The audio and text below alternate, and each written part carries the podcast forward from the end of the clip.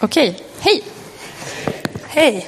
Vi tänkte börja lite fint så här och presentera varandra, för det är väldigt coolt har jag hört. Ja. Ehm, det här är Josefin.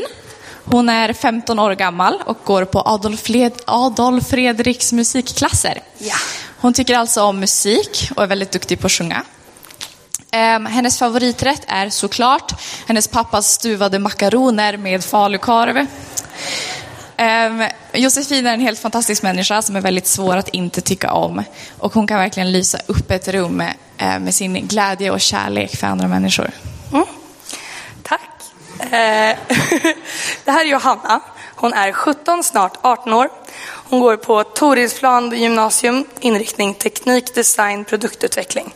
Eh, Johanna har många intressen som till exempel att måla och musicera. Ehm, hon är extremt begåvad och är riktigt bra på det hon gör. Hon är en väldigt bra ledare och en underbar vän. Ja, tack.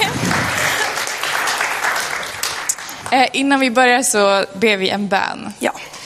Jesus, vi tackar dig för att vi får samlas här tillsammans idag. Tackar dig för att du vill säga någonting genom oss.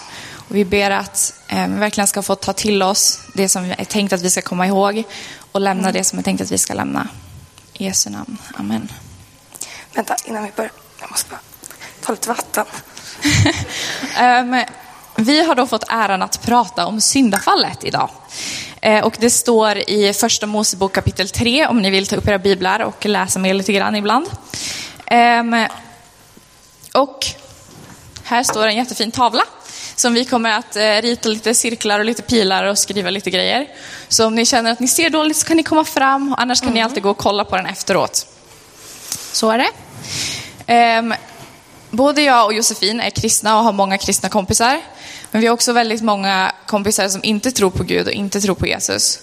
Och en fråga som väldigt ofta kommer upp när man pratar om Gud är det här, hur kan det finnas en Gud samtidigt som det finns krig och det finns sjukdom och en massa ondska i världen som vi ganska tydligt ser.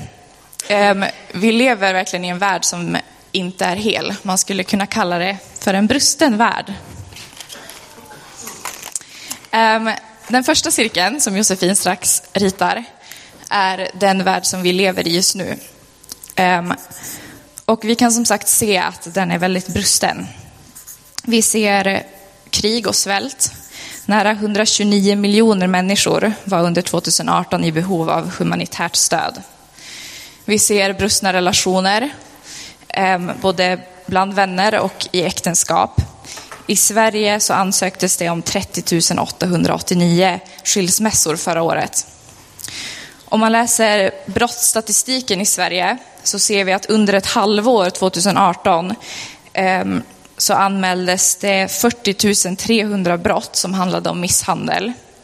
21 100 brott om ofredande och 3 570 anmälda våldtäkter. Mm. Så att jag tror att vi alla kan hålla med om att den världen vi lever i är ganska brusten. Mm.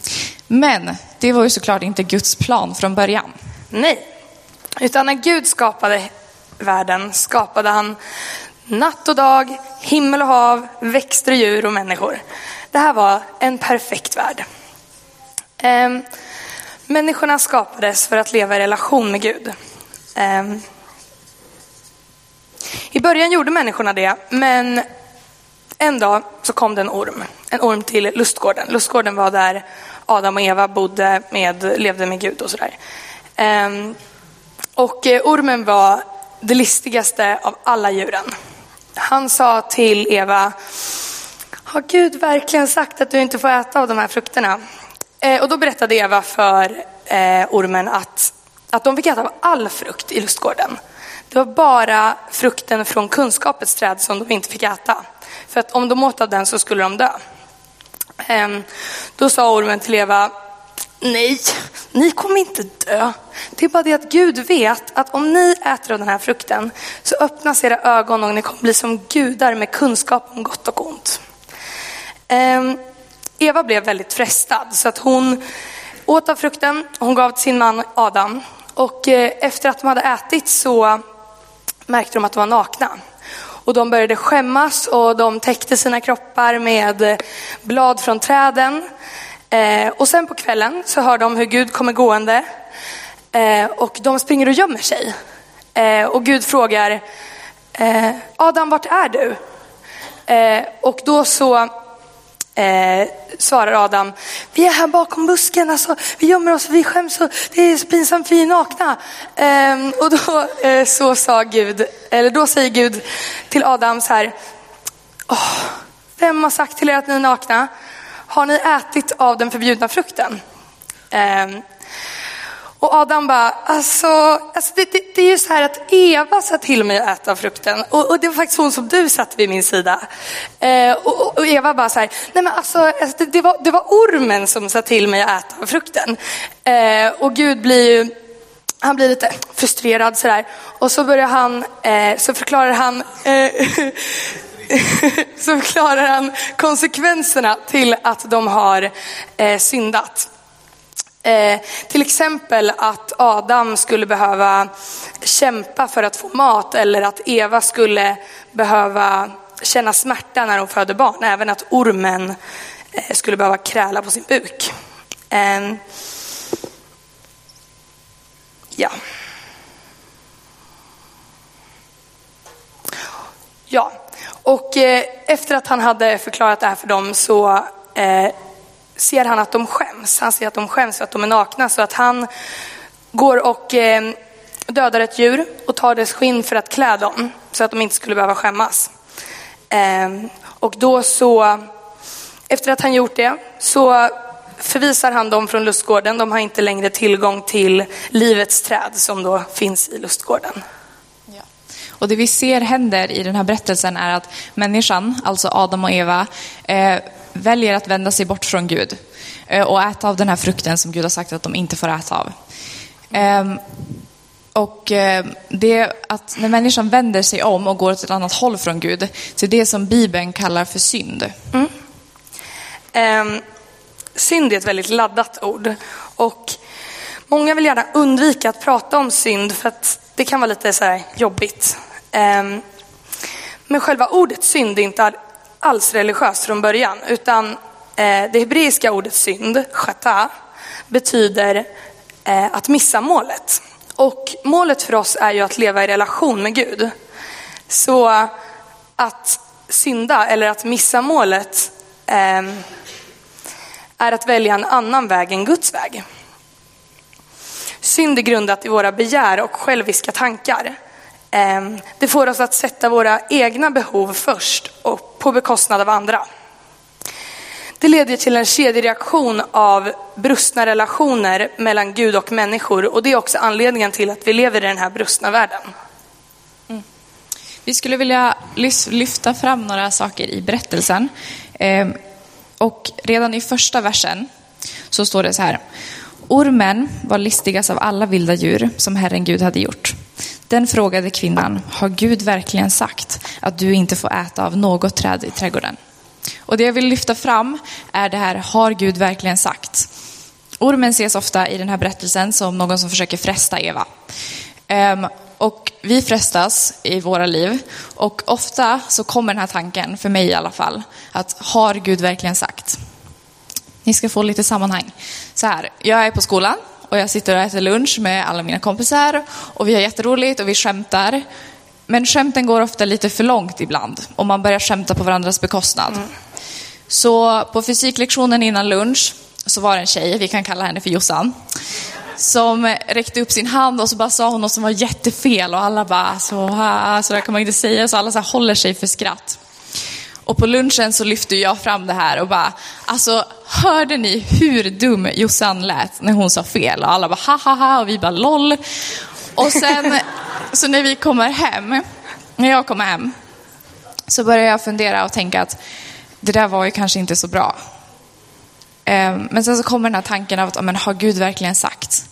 Har Gud verkligen sagt att jag inte får skämta med mina kompisar? Även om det är lite på någon annans bekostnad. Och när den här tanken kommer så är det så viktigt att vi är grundade i Bibeln och att vi vet vad Gud har sagt, vad som står i Bibeln. Ehm, och vissa saker är självklara. Det står till exempel att du ska inte ljuga. Men vad bra, då vet vi det. Vi ska inte ljuga.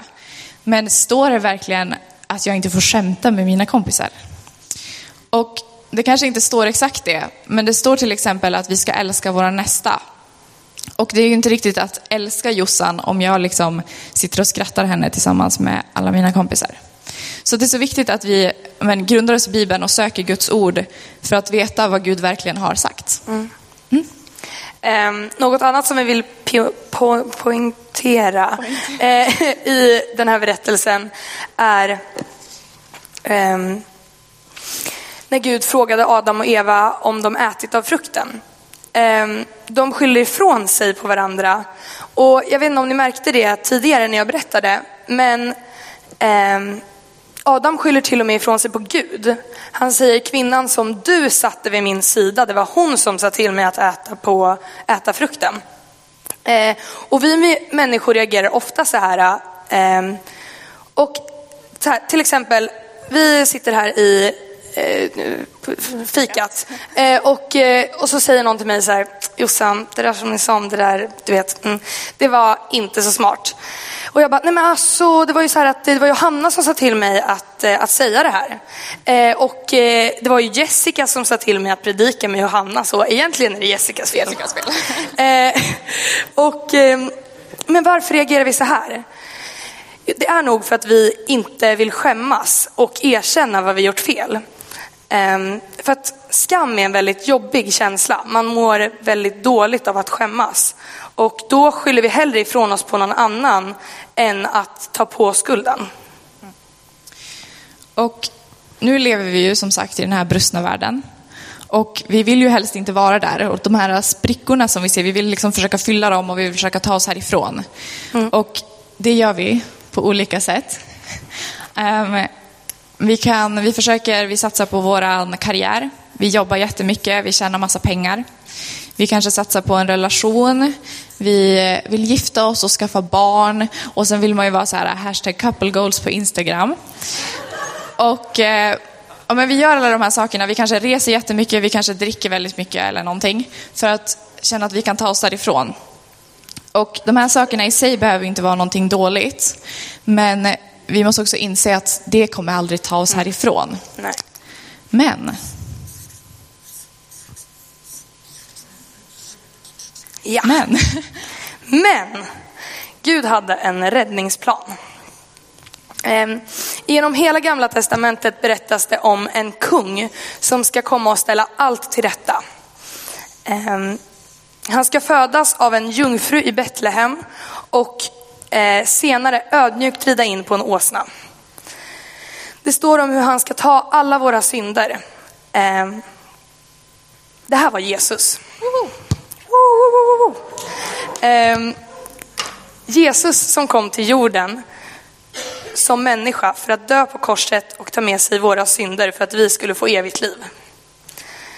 Kommer ni ihåg att jag i slutet av syndafallsberättelsen sa att Gud dödade ett djur för att eh, Adam och Eva inte skulle behöva skämmas? Det var det första offret. Sen under hela gamla testamentet så eh, offrar människor saker till Gud. Eh, och sen så när Gud skickade sin förstfödde son för att eh, dö för oss så blev det det slutgiltiga offret. Det slutgiltiga offret var tvunget att vara Jesus för att han var syndfri. Han hade inte, han hade inte misslyckats att älska Gud eller han hade inte, ja men, han hade inte syndat. Eh, det hade inte varit samma sak om till exempel jag hade eh, offrat mig. För att jag syndar, precis som alla andra människor. Eh, Jesus kom också för att hela relationen mellan oss och Gud. För just nu går ju liksom den här pilen åt det här hållet så det blir väldigt svårt att komma tillbaka. Så att Gud hade ju en plan för att hela den här relationen. Mm. Um, och um, ja, som, som hände när vi valde att vända Gud ryggen. Mm.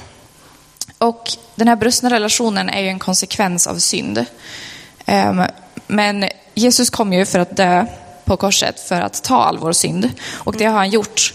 För när vi omvänder oss och tror på Jesus så kan vi få helande upprättelse och därmed komma tillbaka till Gud. Men synd har fortfarande väldigt stora konsekvenser. Ehm, vi ser till exempel i berättelsen att eh, Gud säger till Adam att men eftersom att, ehm, eftersom att ni syndade och vänder er bort från mig så kommer det bli en stor möda för dig att hitta mat. Det kommer bli jättejobbigt att odla för du kommer bara få törn och tistel, alltså massa ogräs. Ehm, så att synd får alltid konsekvenser, stora och små. Om jag till exempel säger till Josefin någonting dumt, nu ska jag inte säga något dumt till Josefin, men om jag gör det så kommer hon mest troligt bli väldigt ledsen och kanske inte lita på mig riktigt lika mycket. Um, men Gud vill ju såklart att vi ska gå mot honom istället för bort, mot honom, bort från honom. Och han vill ju hela tiden att vi ska sikta på att träffa målet. Eh, Och han vill att vi ska få vara helt fria. Minnesversen som är för den här peri- predikoperioden är eh, psalm 18, vers 20, där det står att han förde mig ut i frihet, han räddade mig, ty han älskar mig. Så att Gud vill ju att vi ska få vara helt och fullt fria.